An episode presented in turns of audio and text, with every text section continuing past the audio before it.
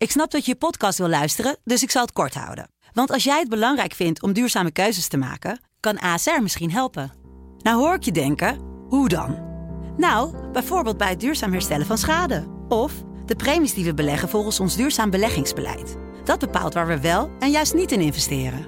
Wil je meer weten over welke duurzame keuzes ASR maakt? Ga dan naar asr.nl slash duurzame keuzes. ASR doet het. Zo, dan kan je nu lekker naar je podcast luisteren. Dames en heren in de rechtbank. De zaak ontleed met Saskia Belleman en Wilson Boldewijn.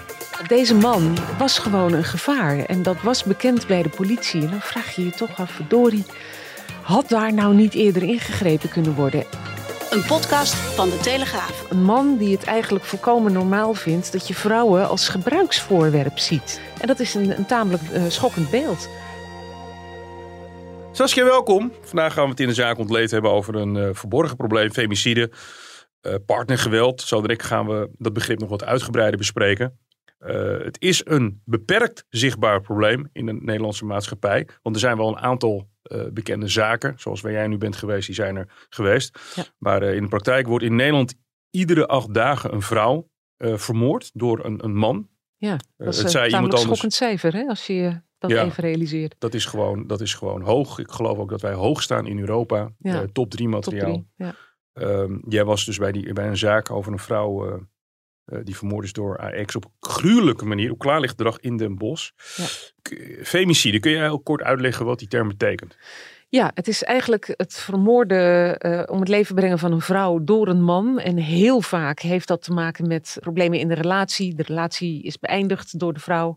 Dat accepteert de man niet. Maar er zijn ook andere voorbeelden. Uh, ik heb ook bij zaken gezeten waarbij een man bijvoorbeeld zijn vrouw vermoordde omdat hij bang was dat zij zou ontdekken dat hij schulden had opgebouwd. Nou, dan gaat het weer over de angst voor het verlies van aanzien. Uh, het feit dat, dat zij hem misschien ziet als een loser. Dat kan allemaal een rol spelen waar het eigenlijk als je het een beetje overkoepelend uh, zou moeten zeggen, op neerkomt, is dat vrouwen worden gezien als een soort middel uh, om ja, die man aanzien te geven, om hem te dienen. En daar mag vooral geen breukje in ontstaan in dat beeld. En uh, ja, als dat misgaat, dan kan dat haar zomaar het leven kosten. Ze wordt niet zozeer gedood omdat ze een vrouw is en omdat het gaat om pure vrouwenhaat. Nee, ze wordt gedood doordat ze een vrouw is. Zo moet je het misschien zien. Uh, en daarmee bedoel ik dus dat, dat uh, ja, vrouwen toch worden gezien als een middel voor mannen om hun, uh, hun aanzien uh, op peil te houden. Ja, vandaag was de uitspraak in een zaak die jij hebt bijgewoond. En die uitspraak gaat over Clarinda. Ja. wat is haar overkomen? Het heeft zich afgespeeld in Den Bosch. Ja. Ja, de, de, de steekpartij die haar uiteindelijk het leven kost, heeft zich afgespeeld in Den Bosch. Clarinda was een, uh, een jonge vrouw die in dienst was bij de Raad voor de Kinderbescherming. Uh, geen lullige baan. Heeft dus ook vaker te maken gehad met gezinssituaties waarin kinderen knel kwamen te zitten. Zij had een relatie met een basisschoolleraar, Jeffrey van den D.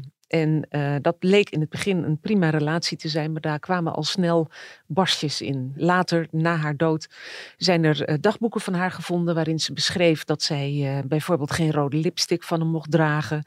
Ze mocht niet sporten, ze mocht niet met vriendinnen afspreken, ze mocht niet gewoon gaan winkelen.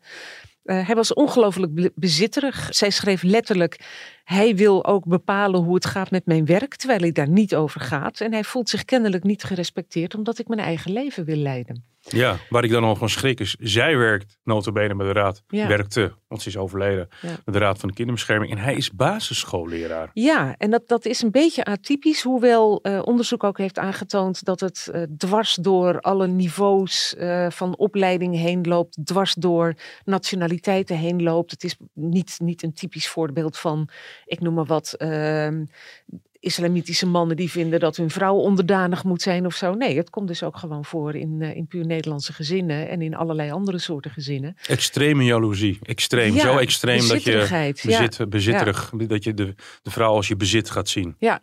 Ja, en er zijn behalve haar dagboeken ook dagboeken van hem gevonden later, waarin hij ook beschreef hoe hij zich voelde.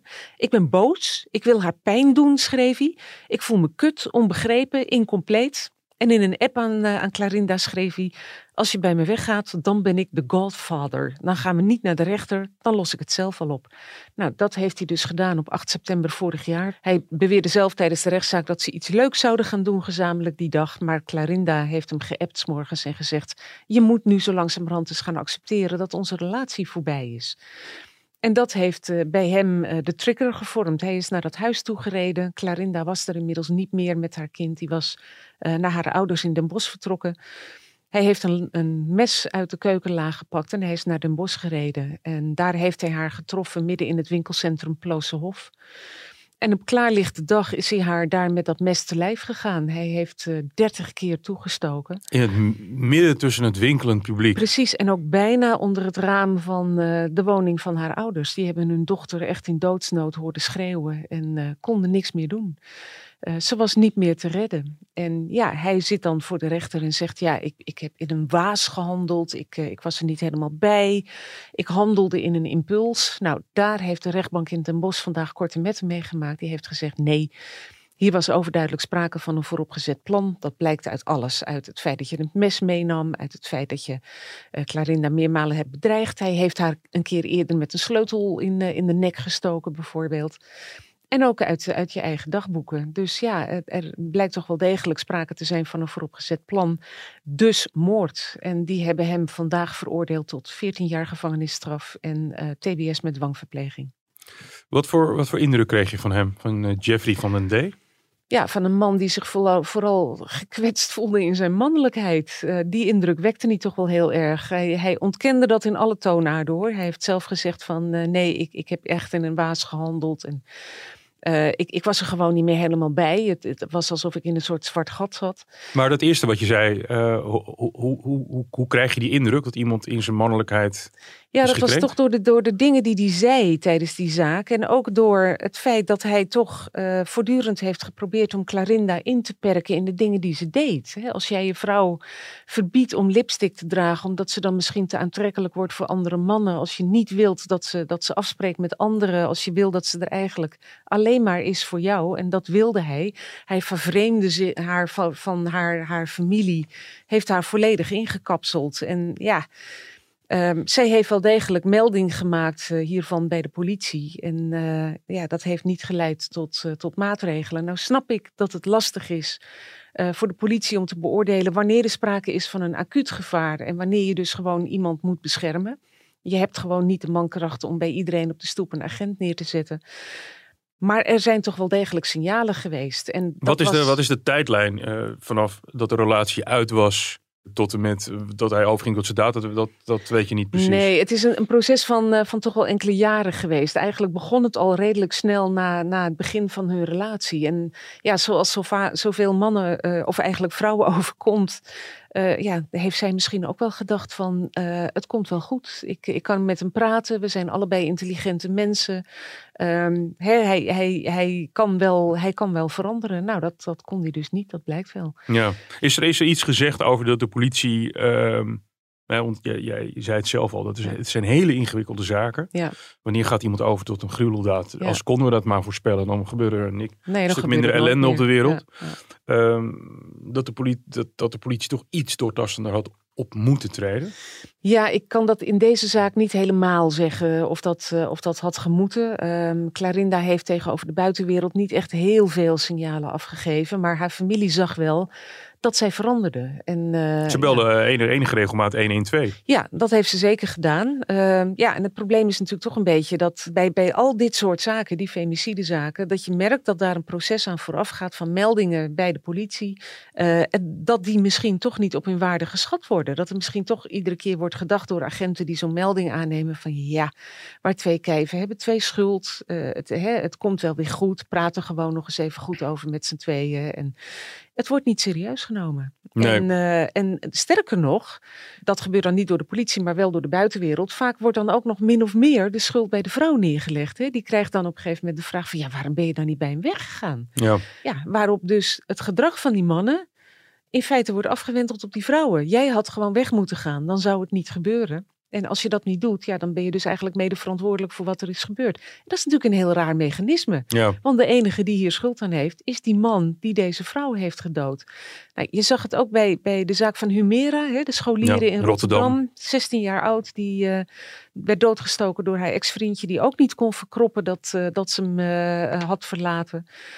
Die heeft gewoon ook op klaarlichte dag op haar school notabene voor het oog van allemaal medescholieren haar gedood. En dat was op de dag dat zij wederom een afspraak had bij de politie om te praten over bedreigingen en stalking. En ja, deze man was gewoon een gevaar en dat was bekend bij de politie. En dan vraag je je toch af, verdorie, had daar nou niet eerder ingegrepen kunnen worden? En Ja. ja, ik moet je eerlijk zeggen, ik kom talloze van dit soort voorbeelden tegen in de rechtbank, waarvan ik denk, hoe kan dat nou? Ja. Ik, kom zo, niet- ik kom ze ook in de privésfeer tegen. Mhm. een, eh, mijn, mijn, een familielid van mij, een, een, een collega van haar, is neergeschoten enkele maanden geleden eh, door haar ex.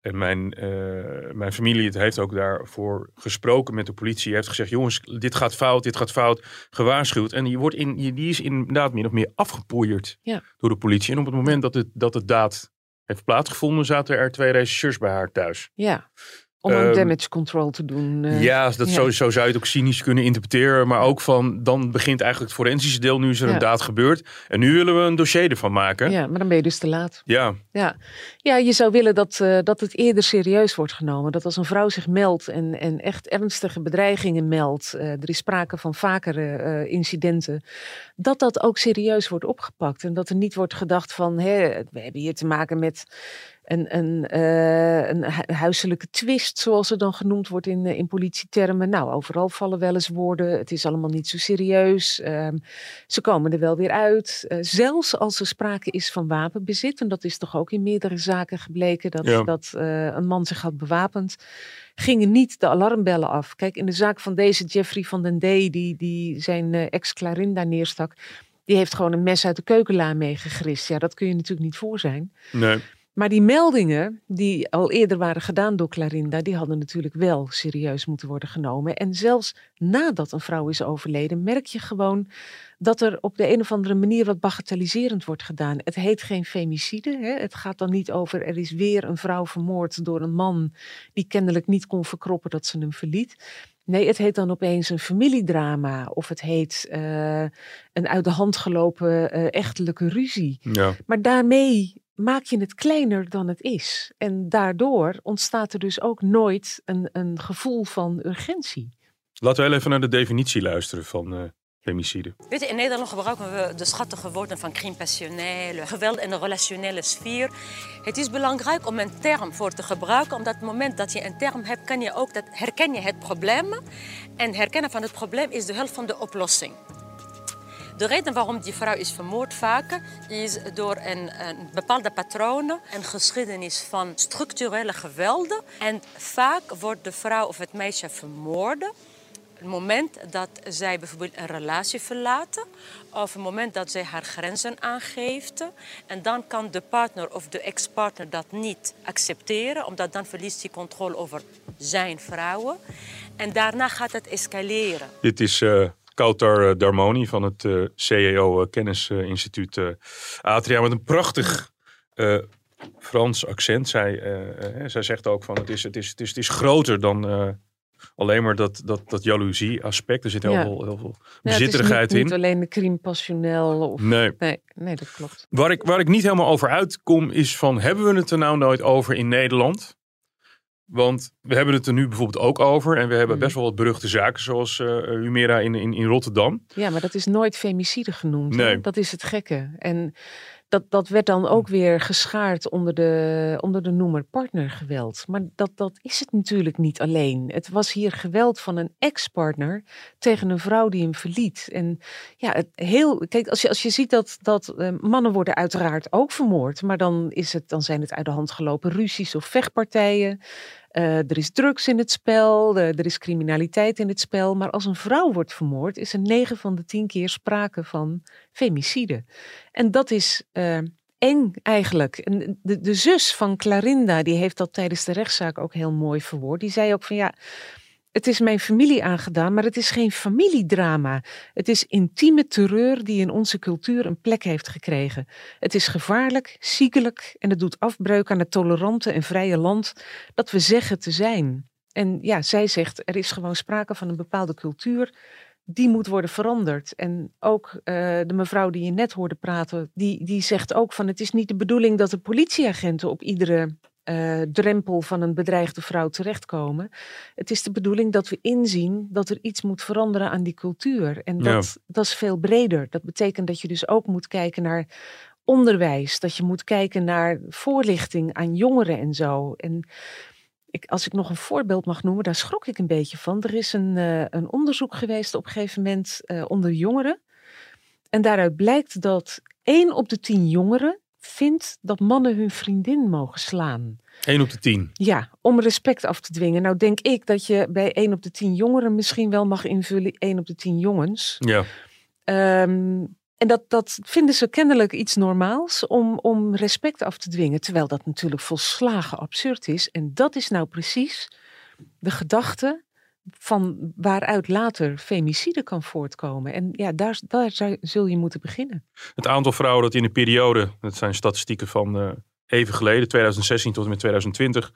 Uh, het aantal vrouwen dat werd vermoord in ex-partner is 56 procent. Terwijl dit bij moord op een man uh, 4% is. We kunnen, hè, jij, zei, jij maakte eigenlijk ook al die, uh, ja. dat uitstapje van het is een, het is een mannelijk probleem. Eigenlijk, um, ja. Alleen als ik het even klein wil maken. Ik, ik, ik, ken, ik, ik kwam net met een voorbeeld van een familielid. Maar ik ken ook uit mijn directe omgeving iemand die gescheiden is. Mhm. Mm-hmm. En ogenschijnlijk heel lang door haar ex-man lastiggevallen is. Dus het is eigenlijk een probleem wat in sommige opzichten ook heel dichtbij ontstaat. Ja. Want we, we, hebben, we kennen allemaal als mensen uh, jaloezie. Zo van, nou, ik vind eigenlijk dat mijn vriendin of vrouw te lang met die persoon praat. Ja. Um, ik kan me ook wel herinneren, herinneren dat ik ooit een keer met een buurman uh, sprak. Met, met een buurvrouw. En blijkbaar spraken we te lang met haar en haar man. En iemand met een hele goede baan. Ja. Die kwam zo naast ons, naast haar staan. Die, die deed zo'n arm om haar heen. Ja. En die had zoiets van... Om ja, even te laten zien, ze is van, van, mij. Is van mij. Dat jij het even weet. Ja, nou dus ja, ik, dat gedrag. Ja, ja. dus het, het, zit, Kijk, het zit ook een beetje in ons allemaal soms. Ja, nou ja, dat denk ik ook. Alleen niet iedereen zal overgaan tot, uh, tot een gewelddaad. Uh, maar er zijn dus mannen die dat wel doen. En sommigen vinden ook gewoon dat ze in hun recht staan. Ja, en ik... Ik, ik, schrik eerlijk gezegd gewoon van het aantal zaken hoor, dat je op rechtbankrollen tegenkomt. Ik ben uh, even gaan kijken naar deze week alleen al. Ja. Deze week, rechtbank Alkmaar. De moord op uh, de Surinaamse studente Sumanta Bansi, die uh, in huis woonde bij de man die haar waarschijnlijk uh, zwanger heeft gemaakt. En ja, zij is spoorloos verdwenen. En hij wordt verdacht van, samen met zijn vader, van, uh, van moord en van uh, het la laten verdwijnen van haar lichaam. Dat tot op de dag van vandaag nog niet teruggevonden is. Nou, die zaak loopt nog. Dinsdag 31 mei, de dag daarna dus, in uh, de rechtbank van Den Haag diende een inleidende zitting in de zaak van een man die zijn vriendin met een badjascentuur heeft gewurgd. En dat was ook de dag waarop uitspraak werd gedaan in de zaak van de 23-jarige uh, René, René Barendrecht. Een talentvolle rugbyster van de Haagse rugbyclub die uh, door een man is aangevallen toen ze op de fiets onderweg was naar huis. Vervolgens is haar, uh, haar lichaam in brand gestoken. Woensdag 1 juni. Bij het Hof Den Haag dient de zaak van de kofferbakmoord. Caroline van Toledo, die dood in de kofferbak van haar auto werd aangetroffen. Staat een man voor terecht. Maar ook de dag waarop uitspraak werd gedaan in de zaak van Clarinda, waar we het net over hadden. En ook uitspraak is gedaan in de zaak van Mr. Dark. Dat is een man. Hebben hier ook voor gezeten? Precies, daar hebben we ook een podcast over opgenomen. Over de man die handelde in, in video's van gewelddadige, echte verkrachtingen, afpersingen, mishandelingen, dierenporno en zo. Daar is geen dode bij gevallen. Die man is veroordeeld tot tien jaar in TBS. Maar het is in die zaak ontstond dus ook zo'n beeld van een man die het eigenlijk volkomen normaal vindt dat je vrouwen als gebruiksvoorwerp ziet. En een gebruiksvoorwerp dat je kunt behandelen en mishandelen zoals je dat wilt. En dat je kunt wegwerpen als je het gebruikt hebt. En dat is een, een tamelijk schokkend, uh, schokkend beeld. Nou, dan hebben we een zaak op donderdag 2 juni. We zitten nog steeds in dezelfde week. Een man die zijn vrouw heeft gewurgd, uh, ook bij de rechtbank in Breda.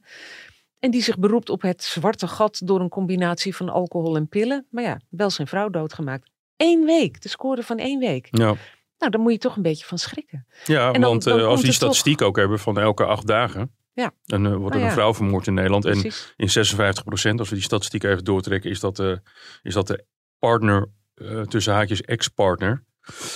In sommige landen heeft femicide geleid tot massale protesten. Mexico, eh, Frankrijk. Ik weet dat ook in, in Spanje een heel bewustwordingsproces is geweest. En er wordt ook wel gezegd van op het moment dat er een maatschappij meer bewustwording komt, is de oplossing dichterbij. Ehm, in die zin klopt wel jouw beeld dat het nog niet leeft in de maatschappij. Het is niet zo Nee. dat we met z'n allen de straten voor opgaan.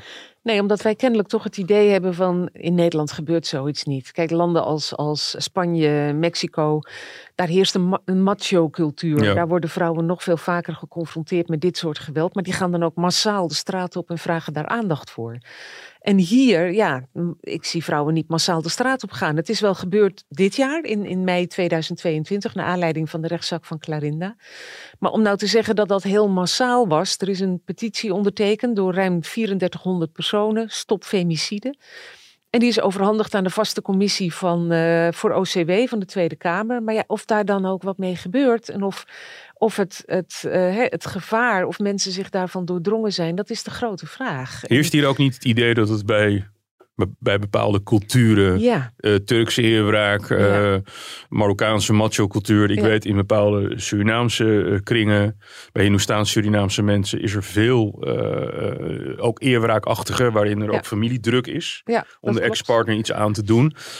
Maar jij zei net al, nee, dit gaat eigenlijk door heel veel rangen en standen. Hè? We hebben het notabene ook in het geval over, over eh, Clarine, over een basisschoolleraar.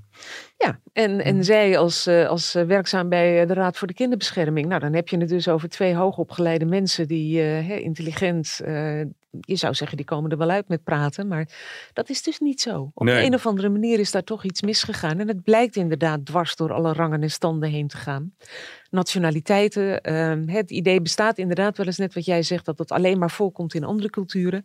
En dat is misschien net het probleem waar we mee zitten hier. Dat wij denken van, ja, maar dat, dat doet zich bij ons niet voor. Niet in, niet in onze cultuur. Dat is iets van mensen die uit een andere cultuur komen. Nou, word maar wakker, zou ik zeggen. Want het is niet zo. Jeffrey van der Day heeft in ieder geval conform de eis 14 jaar cel en TBS eh, gekregen. Eh, waar, waarom heeft hij eigenlijk ook nog TBS gekregen? Ja, omdat toch eh, onderzoek heeft uitgewezen dat hij leidt aan een persoonlijkheidsstoornis. Ehm, ja, je zou natuurlijk eh, kunnen zeggen, iedereen die zoiets doet, daar is een steek aan los. Maar zo simpel ligt het niet.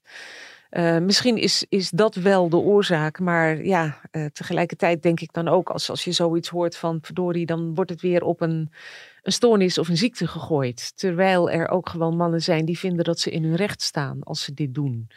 En dat, eh, ja, dat is iets wat je toch echt bij de wortel moet aanpakken. En dat is bij de opvoeding. En ik denk ook dat de omgeving ook eh, iemand moet aanspreken. Terwijl dat tegelijkertijd ook weer die obsessie, hè, hè, wat ik zeg in mijn eigen omgeving, ken ik ook zo'n verhaal. Mhm. En dan denk ik, zou ik uit mezelf nou ook naar zo'n man gaan? Kijk, er is verder nog niet zo ernstigs gebeurd, maar het patroon is wel zorgelijk, weet je wel. Bij je ex Ja. voor de deur gaan posten en dergelijke. ja. Moet je nou zo iemand daarop aanspreken? Ja, daar heb je ook niet echt het antwoord op. Nee, ik weet niet of dat wijsheid is. Ja, voor hetzelfde geld word je, word je dan zelf slachtoffer van een actie. Ik denk wel, om het bespreekbaar te maken, dat het goed is om, om met die vrouw te praten. En je hoeft niet meteen op haar af te stappen en te zeggen: joh, wat is er bij jullie aan de hand en vertel me dat eens even. Want ja, vaak zitten die vrouwen ook met een gevoel van schaamte en schuld. En, en praten ze er niet zo makkelijk over. Maar je kan natuurlijk wel vragen: heb je hulp nodig? Kan ik iets voor je doen? Ehm, wil je mijn telefoonnummer hebben als er iets is dat je me meteen kan bellen? Ehm, weet je dat, je dat je in ieder geval aangeeft: ik zie dat er iets aan de hand is. En ik wil je helpen. En wat je vooral niet moet doen, is zeggen tegen die vrouw van... joh, ga toch gewoon weg. Laat die vent in zijn sop gaar koken en, eh, en pik het gewoon niet langer. Want ja, zo'n vrouw zit ook vaak vast in allerlei structuren, in gewoontes. Wil misschien de relatie nog goed proberen te krijgen. Heeft misschien kinderen, zou Kinderen niet weten waar spel, ze ja. naartoe Ja. moet. En het op het moment dat je dat zegt, leg je ook de verantwoordelijkheid bij die vrouw. Hè? En het is de verantwoordelijkheid van die man. Dat zijn mooie laatste woorden. Oké. Saskia, dankjewel. Dit was eh, deze week weer eh, de zaak ontleed. Afhankelijk van het platform waarop u eh, dit, deze podcast luistert. Laat u een recensie achter en dan is er altijd misschien ruimte voor verbetering of feedback. Of misschien vindt u ons in één woord fantastisch. Mijn naam is Wilson Boldewijn. Bedankt.